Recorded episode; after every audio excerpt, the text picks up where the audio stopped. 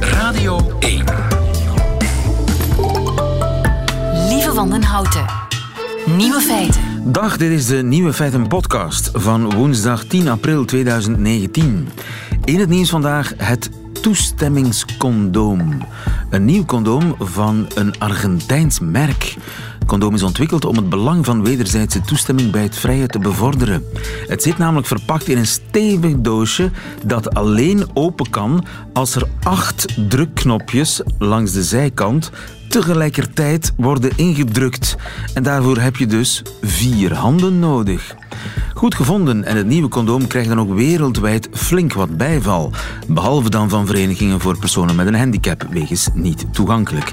En wie een beetje rondsurft, vindt ook al instructiefilmpjes waarin getoond wordt hoe je die condoomverpakking toch met twee handen kan ontgrendelen. Maar goed, de andere nieuwe feiten vandaag. Indiase partijen die hebben elk een symbool, zoals bijvoorbeeld een strijkijzer of een stoomkoker. Christelijke jongeren willen dat Nederland prostitutie criminaliseert naar Zweeds model. Een nieuwe dodelijke schimmel bedreigt onze ziekenhuizen. En Paul Severs begon zijn carrière ooit bij een pater, Pater Pax. De nieuwe feiten van Johan Terrein hoort u in zijn middagjournaal. Veel plezier.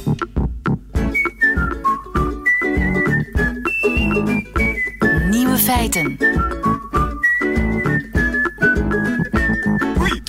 Oei, inderdaad. Er is naar het schijnt een superdodelijke schimmelopkomst. En onze Belgische laboratoria die kunnen die boosdoener zelfs niet altijd identificeren. Katrien Lagroe, goedemiddag.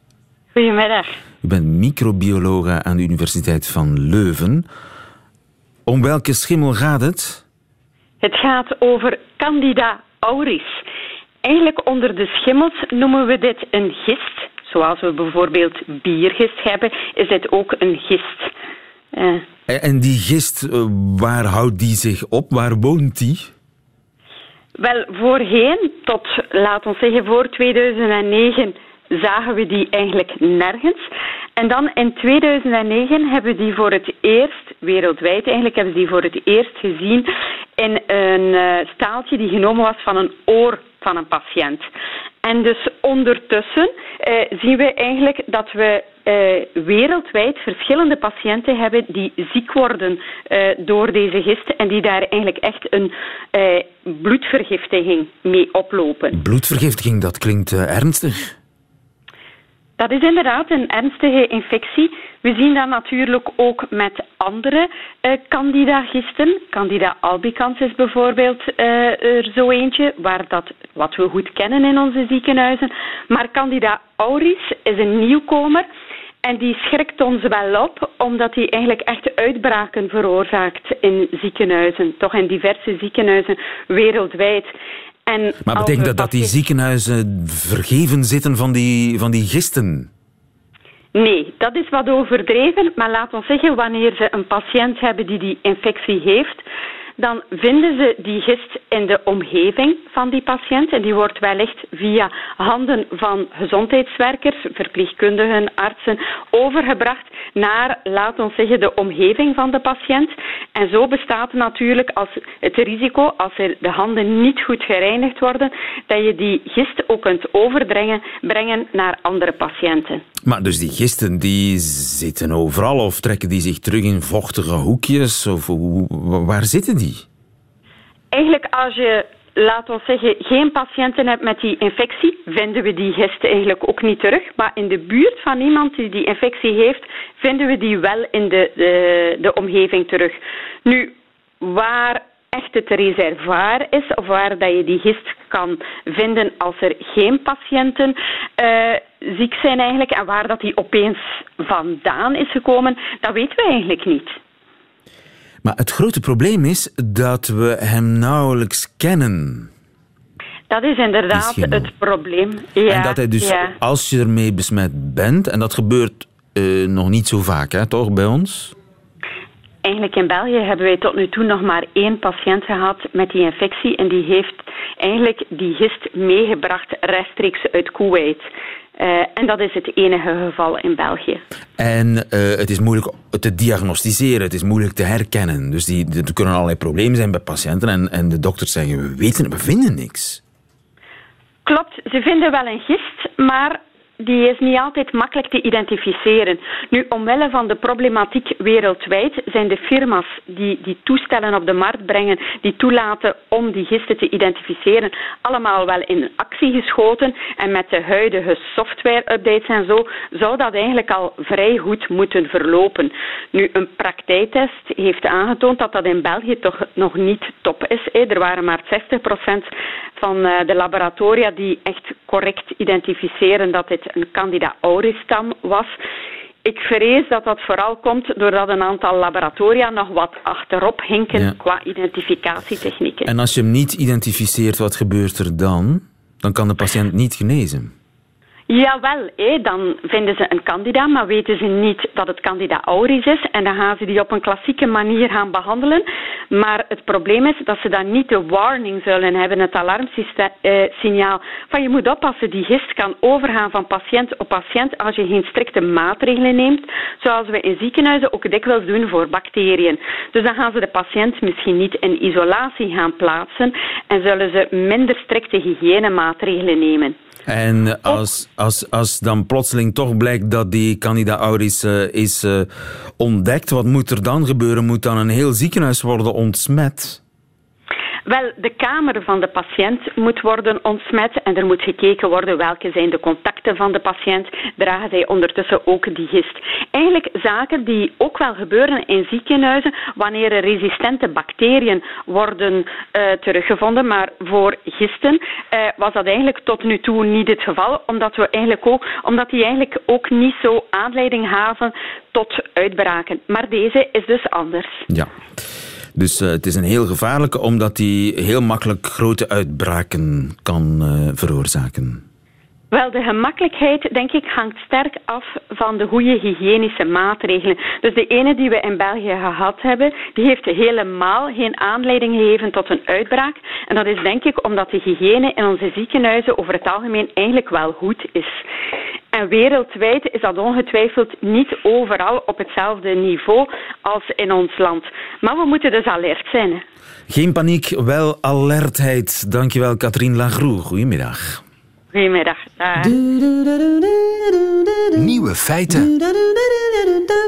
Morgen beginnen ze de grootste verkiezingen uit de wereldgeschiedenis.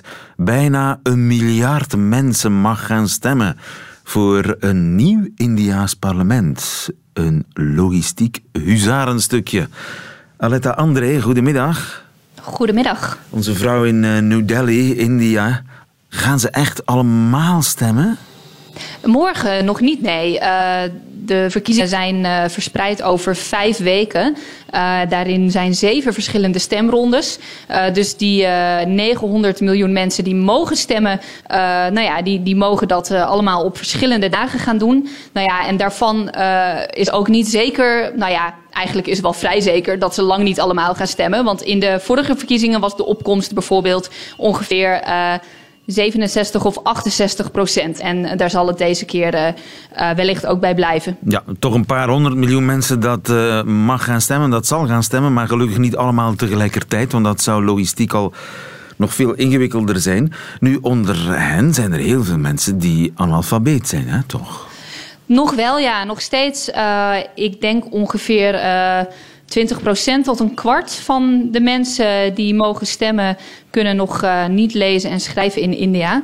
Um, dus ja, dan is de vraag uh, hoe ga je dan stemmen? Want ze hebben in India wel elektronische uh, stemmachines. Je moet dus op een knop, knopje drukken. Uh, het knopje van de partij of van de kandidaat waar je op wil gaan stemmen. dan kun je denken, dan kun je een foto van de kandidaat bijvoorbeeld neerzetten. maar voor de mensen is het toch wel belangrijker om te weten welke partij het is dan, ja, dan, welke, of dan hoe die kandidaat er precies uitziet. Dus wat ze in India hebben bedacht zijn symbooltjes. Elke partij heeft natuurlijk een naam. Maar als je die naam niet kunt lezen, dan, uh, dan moet je weten op uh, welk symbooltje er bij jouw partij hoort. Dat is bijvoorbeeld bij de congrespartij de hand. Um, bij de BJP, de regeringspartij, is dat uh, de lotusbloem.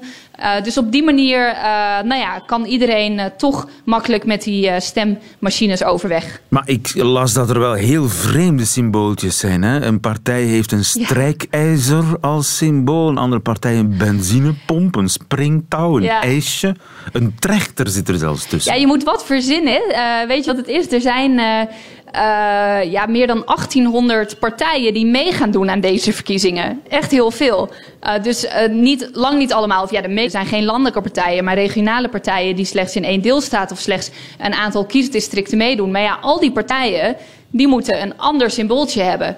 Dus om te voorkomen dat er dubbeling is of dingen die te veel op elkaar lijken, heeft de kiescommissie van India een lijst met symbolen. En als iemand een nieuwe partij wil oprichten, dan moet je dus bij de kiescommissie aankloppen. En dan mag je kiezen uit de symbooltjes die op dat moment nog beschikbaar zijn. Dus ja, de partijen die, uh, die uh, 50 jaar geleden of die uh, 50, 40 jaar geleden voor het eerst meededen, die hebben misschien al best wel uitgepikt.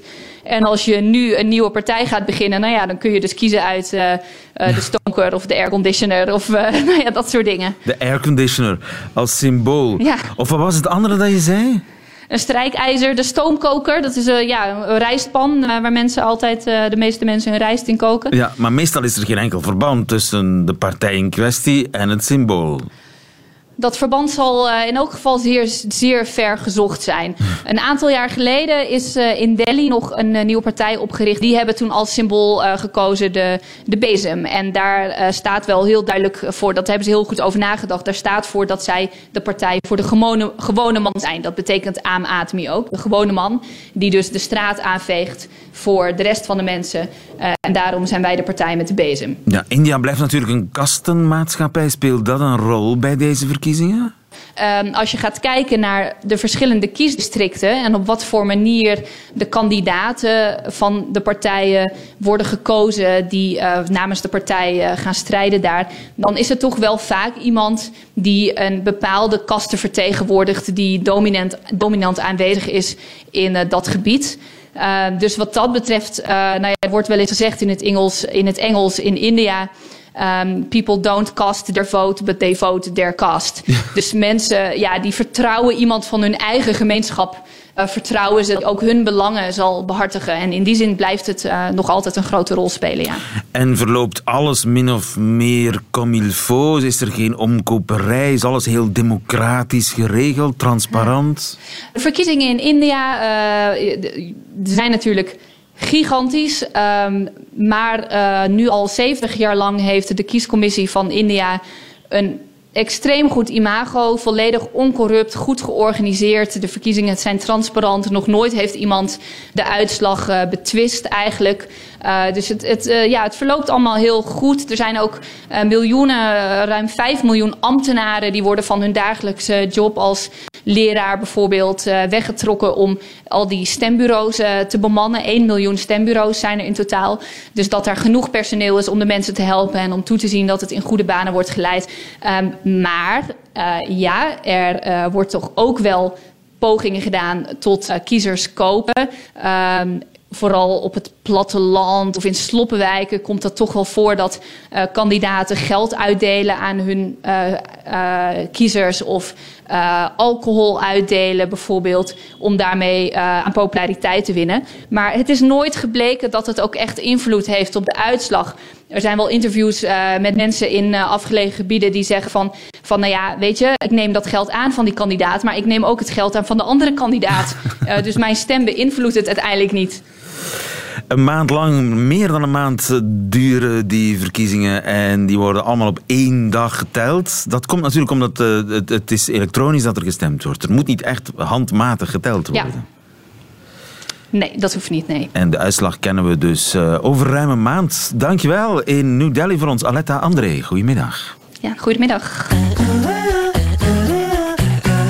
Nieuwe feiten. Is het binnenkort gedaan met de roemruchte walletjes in Amsterdam? Wel, 40.000 mensen hebben een petitie getekend en die vandaag in het parlement ingediend. Het is een petitie georganiseerd door een christelijke jongerenbeweging die pleit voor het Zweedse model qua prostitutie. Magali Rodriguez Garcia, goedemiddag. Goedemiddag. Magali, je bent historica in Leuven aan de universiteit en een van jouw uh, expertise-domeinen is precies de prostitutie. Dat Zweedse model, wat betekent dat eigenlijk? Ja, dat is dus een model, een prostitutiebeleid dat ingevoerd werd in Zweden in het begin van de jaren 2000. En dat houdt in dat de klanten van prostitutie worden bestraft. Dus uh, de redenering is, de prostituee, de sekswerker, is een slachtoffer. En prostitutie bestaat alleen omdat er klanten zijn. En dus we moeten de vraag naar prostitutie bestraffen. Dus de klanten van prostitutie. En heeft dat uh, model ook gewerkt? Zijn er in Zweden geen hoerenbuurten meer? Ja, het heeft gewerkt in die zin dat effectief dat prostitutie verdwenen is uit het... Uh, uit de publieke sfeer in, uh, in Zweden. Het heeft ook gewerkt in de zin dat andere landen het model hebben gevolgd, eh, onder andere Frankrijk. En, uh, maar voor de sekswerkers zelf is dat, uh, heeft dat wel een, een, negatieve gevolgen. En dat is het perverse effect van die wet. Want het was een wet die voornamelijk door, door een groep van Zweedse feministen werd goedgekeurd, dus gewoon naar voren geschoven, om sekswerkers of om vrouwen binnen prostitutie te beschermen. Maar dat dit blijkt niet het geval te zijn. Dus prostitutie is eh, in de clandestiniteit eh, beland. En eens dat prostitutie in de clandestiniteit belandt, dan komen er allerlei problemen naar boven, waardoor dat de prostituee, de sekswerker, de eerste slachtoffer van is. En die prostitutie, waar vindt die nu dan plaats als dat onzichtbaar is geworden? Is dat in eh, schimmelachtige keldertjes of gewoon op privéappartementen? Privé natuurlijk. Dus nu tegenwoordig met, uh, met internet, met sociale media, kan prostitutie zich verspreiden op een heel gemakkelijke manier. Dus in die zin heb je niet veel nodig om aan prostitutie te doen. Uh, dus dat gebeurt heel, uh, heel vaak privé. Maar er gebeurt, er, er, gebeurt ook dat gewoon prostitutie in allerlei van die loesje bars en die loesje hotelletjes en dergelijke meer ook plaatsvindt. Vaak is het zo dat eh, die mensen die in die vormen van prostitutie eh, terechtkomen, vaak de meest kwetsbare ehm, groepen zijn. Dus uh, diegenen die, die vaak eh, niet Europese nationaliteit hebben of komende van Oost-Europa. En die hebben dus, de, dus het zijn, dat is het perverse effect, het zijn de meest kwetsbare groepen die ook getroffen worden door die wet. Omdat eens dat prostitutie, ja. Dus die prostituee die is eigenlijk volledig uh, aan haar lot overgelaten. In die zin, er is geen enkele vorm van bescherming, medische controle. Die valt tussen nee. alle Dus mazen dat- van het net. Ja, dat is dus het, eh, het serieus probleem. Dat is ook de reden waarom dat de sekswerkers zelfs eh, gekant tegen zijn eh, tegen die wet. Dus er is een, een, soort belangenorganisatie op eh, Europees niveau, maar ook in, in verschillende landen, in België ook, UTSOPI. En het Internationaal Comité voor de Rechten van de Sekswerkers, die zijn helemaal gekant tegen die wet. Je moet ook, je kan eens gemakkelijk googlen op naar 2014, toen die, de debatten werden gevoerd in Frankrijk om de, al dan niet die wet goed te keuren. En daar zie je dus eh, heel grote groepen van sekswerkers die protesteerden tegen die wet. Omdat ze wisten, het moment dat die wet wordt goedgekeurd, wij gaan overblijven met de meest lastige klanten. En dat is wat er gebeurt. Met de lastigste klanten? Waar die Hoezo? wet is goedgekeurd. Uiteraard. Dus kijk, je moet, er zijn heel veel mythes over eh, prostitutie. En een van de mythes is ten eerste dat de eh, mensen die in prostitutie zitten per definitie slachtoffer eh, zijn. Dat is niet altijd zo. En een andere mythe Oh, Hoezo? Je dat bedoelt dat, dat er trotse, gezonde, evenwichtige vrouwen zijn die dit met volle overgave en plezier doen? Met volle overgave, dat weet ik niet. Dat is ook, ik wil niet beweren dat prostitutie dat, eh, allemaal een verhaal is van de happy hooker. Dat wil ik niet beweren. Dus er zijn veel problemen in de prostitutie, in de seksindustrie. Maar dat geldt ook voor andere, eh, voor andere arbeidssectoren. Dus dat is niet eigen aan prostitutie. Ja. En prostitutie is effectief een heel moeilijke job. Dus er zijn problemen binnen prostitutie. Ik wil prostitutie niet romantiseren. Maar die mensen die werken, heel veel mensen die werken in prostitutie, definiëren zichzelf niet als een slachtoffer. Die heel veel van die vrouwen en mannen en transgenders die actief zijn, die, zijn heel, die weten heel goed waaraan ze beginnen eens ze in de seksindustrie gaan. Dus dat is een van die mythes. Een andere mythe is dat de klant van prostitutie een soort Jack the Ripper zou zijn. Dus een brutale kerel die vrouwen wil gewoon uitbuiten en seksueel misbruiken. Dat klopt ook niet. Dus er, er, is al voldoende onderzoek over de klanten van, van prostitutie, die vaak gewoon doodgewone mensen zijn. Brave Maar huisvaders die, is het, eh, die is, iets speciaals willen. Niet noodzakelijk iets speciaals. Vaak, ik heb, ik heb vorige week vrijdag een prachtige tentoonstelling gezien van prostituees, van sekswerkers, en met getuigenissen van klanten. En een van die klanten, een meneer eh, van gevorderde leeftijd, die getuigde is, van ja, ik wil erkenning en ik wil warmte. En die man zegt ja, ik kom hier voor seksuele diensten, maar voor veel meer dan dat. Ik wil een gesprek, ik wil in de armen van een vrouw zijn. En een van de prachtige verhalen, de man overleed. De familie van de man heeft de prostituee in kwestie uitgenodigd op zijn begrafenis. Omdat, ze, omdat de familie wist wat, eh, welke betekenis dat die vrouw Ja. had. En jouw eh, punt is dat Dus- dat soort klanten zal wegblijven in het Zweedse model. Inderdaad, omdat gewoon, ja, begin eens maar na te denken. Dus als jij een klant bent van prostitutie en je riskeert ten eerste een boete, daarna een hogere boete, daarna misschien een gevangenisstraf, daarna moet je ook naar die scholen, dus gewoon je moet eh, eh, gemoraliseerd worden in die scholen eh, als klant. Ehm, ja, dan blijf je weg. Dus, en wie blijft over? Dan blijven die mannen effectief, die wel eventueel, die niet doorhebben wat de gevolgen zijn. En die effectief meer, ja, iets brutaler zijn en eh, dergelijke meer. En dat is wat de sekswerkers in Zweden op dit moment zeggen. En ook in Frankrijk. Dat gewoon de, de meest vervelende klanten, die zijn diegenen die nog bleven, die hen eigenlijk niet kan schelen als ze een boete krijgen of ze in gevangenis belanden. En dat Dus- is een serieus probleem. Dat Zweedse model is eh, niet zaligmakend, al dus eh, Magali Rodriguez Garcia van eh, de Universiteit van Leuven. Dankjewel, goedemiddag. Nieuwe feiten. Gisteren is Paul Severs overleden, de man die onsterfelijk werd met dit nummer. Ik ben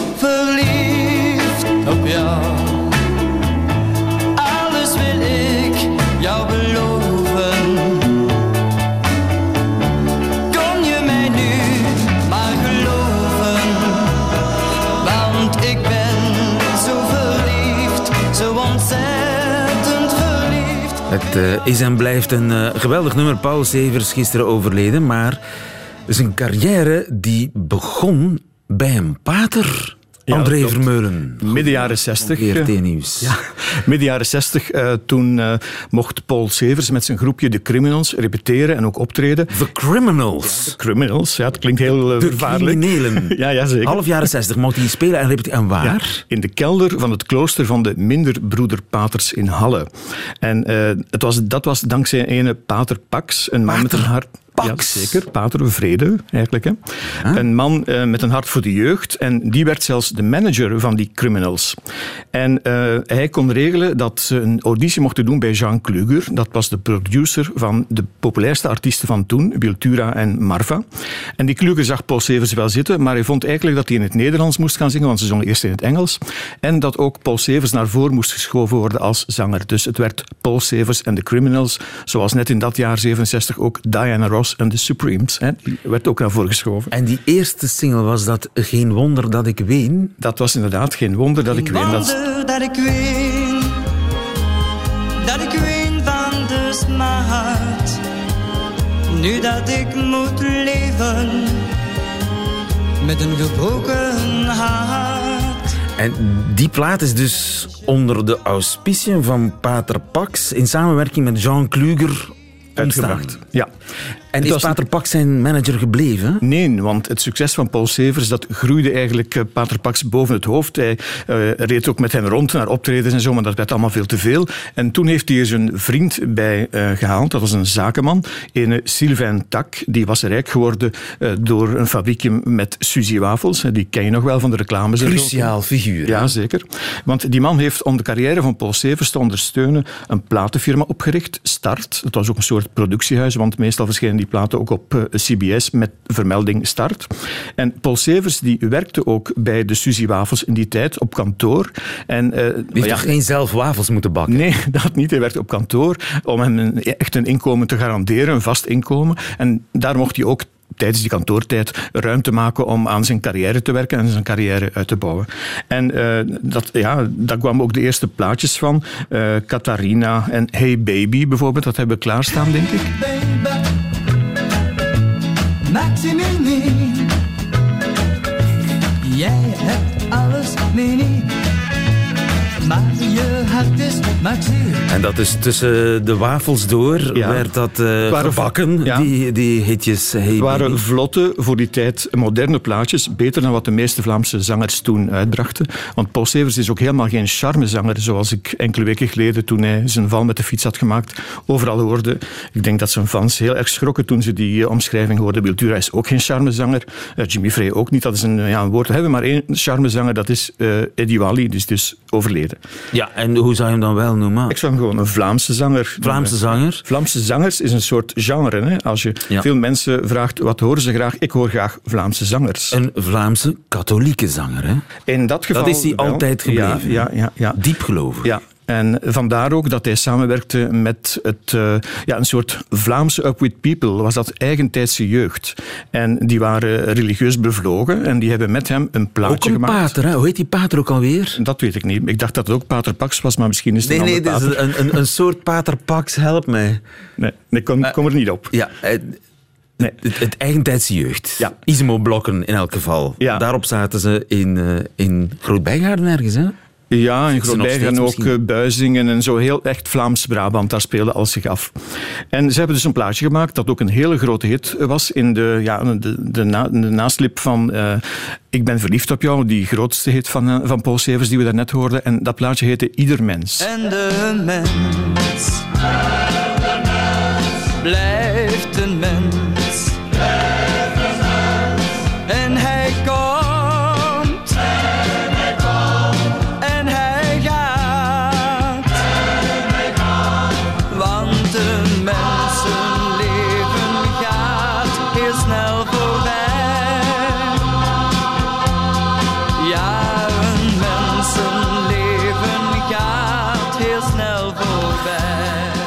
Is eh, onder de vleugels van eh eigentijdse jeugd gemaakt. Deze... eh, eh, hoe heet het ook Ieder mens. Ieder mens. Een, een katholieke classic eigenlijk. Hè. Hij vocht wel tegen het idee dat hij een eendagsvlieg was. Hè, die met eh, Ik ben verliefd op jou zijn enige echte grote hit heeft. Nee, dat klopt zeker niet. Hij heeft veel meer hits gemaakt. Ook in zijn beginperiode. Dat wordt vaak vergeten. Want eigenlijk, ik hoorde hier ook vaak dat zijn succes werd toegeschreven aan Radio Mi Amigo, een piratenzender opgericht door Sylvain Tak, ook om zijn producties te promoten. Maar eigenlijk, ik ben verliefd op jou geen wonder dat ik ween bijvoorbeeld. Dat is allemaal van voor Mi Amigo bestond. Die plaatjes zijn bekend geworden omdat ze op de BRT toen werden gedraaid op eh, Radio 1, op Radio 2, BRT 1, BRT 2. Ze stonden in de top 10 der Nederlanden op eh, BRT 1. Dat was een, eh, een programma van de popsectie van Jan Schoukens met bijvoorbeeld Mike Verdreng als DJ en, en, en en zo. En daar zijn die nummers bekend geworden. Die eerste ook meer poppyplaatjes van Paul Severs. Dus hij eh, hoort echt tot, eh, op, op de Parnassus thuis van de Ja, Vlaamse hij is niet Wiltura geworden eh, en ook misschien net niet Jimmy Frey, maar wel, hij is echt wel de grootste net daaronder. Dankjewel, André Vermeulen. Paul Severs, we gaan nog heel even naar hem luisteren. Rode lippen moet je kussen.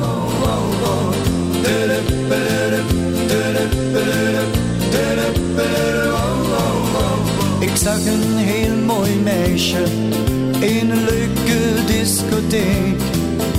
Ik was meteen verloren toen ik even naar haar keek. En voor ik het besefte, gaf ik haar spontaan een zoen. En blozend vroeg dat lieve kind het nog een keer te doen. Rode lippen moet je want daar zijn ze voor gemaakt. Oh, het is zo zalig als jouw mond de haren raamt. Ik kan het echt niet laten, ja ik doe het vroeg en laat. Want rode lippen kussen is het mooiste dat bestaat.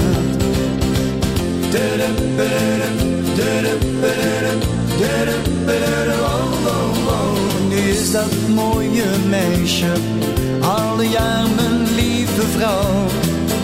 En iedere avond vraagt ze mij hoeveel ik van haar hou. En ook wil zij nog weten of ik haar steeds kussen zal. Dan zeg ik, wees gerust mijn schat, dat doe ik liefst van al. Rode lippen moet je kussen, want daar zijn ze voor gemaakt. Het is een cover natuurlijk, hè, André? Ja, Lucky van- Lips. Van onder meer Cliff Richard. En het is ook eh, gezongen als A Road to Lippen uh, Muss man kussen. Hè? Kussen.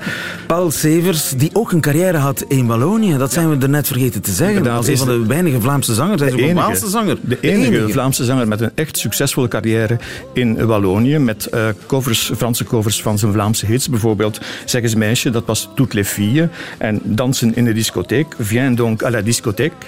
En eh, Oh Little Darling, daar was natuurlijk geen probleem mee. Dat zong hij gewoon ook zo in het Frans. Maar hij was er echt populair, hij trad er veel op. En dat onderscheidt hem echt wel van alle andere Vlaamse zangers. Hij was echt tweetalig. Ja, en zijn vrouw was ook, eh, die was Franstalig van origine, dus dat hielp ook natuurlijk. Paul Severs, Rode Lippen moet je kussen, waarmee we zijn aangekomen aan het middagjournaal. En dat is deze week in handen van Johan Terrein. 10 april 2019, wat zegt het voor hem? Nieuwe feiten. Middagjournaal. Beste luisteraar, terwijl het opgietduo Heidi en Daniel een onverbiddelijke dampstoot geeft, de geur is eucalyptus, persen de laatste druppels vocht zich door mijn poriën. Leger dan dit wordt mijn lijf niet.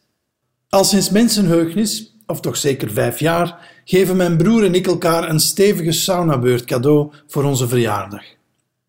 Twee keer per jaar vertragen we ons leven en stappen in dit ritueel voor een halve dag en een avond. Terwijl onze kathedraal onder hoge druk wordt gereinigd, praten we elkaar ons leven bij. Hoe ouder we worden, hoe intiemer en opener de gesprekken. Een heel ander leven hebben we, vol gelijklopende herinneringen vanuit een ander perspectief. Terwijl de damp zich uit onze lijven pompt, kijk ik hem aan. Dat is hem dus. De enige man ter wereld die in dezelfde baarmoeder gedragen werd als ik. De enige man met dezelfde zus. De enige man die echt weet waar ik het over heb als ik hem zeg dat ik zo afzie van mijn eigen drang om altijd maar uit te blinken in alles wat ik doe. Die dan zelfs nog zegt, en daar ben je ook aardig in geslaagd. Een broer hebben. Het is een aanrader, denk ik, terwijl we onze handdoek om onze lendenen slaan. Ik heb vrienden die ik dicht tegen de borst hou, waar ik heerlijk mee van gedacht kan verschillen en van smaken kan genieten. Maar ik heb er maar één zo, die toevallig uit dezelfde schoot komt. Hoe ouder ik word, hoe meer ik het apprecieer een broer te hebben en een broer te zijn. Heidi en Daniel slaan een laatste keer hun handdoek naar ons uit. De warmte dwingt ons naar buiten. Voor de zoveelste keer zijn we herboren.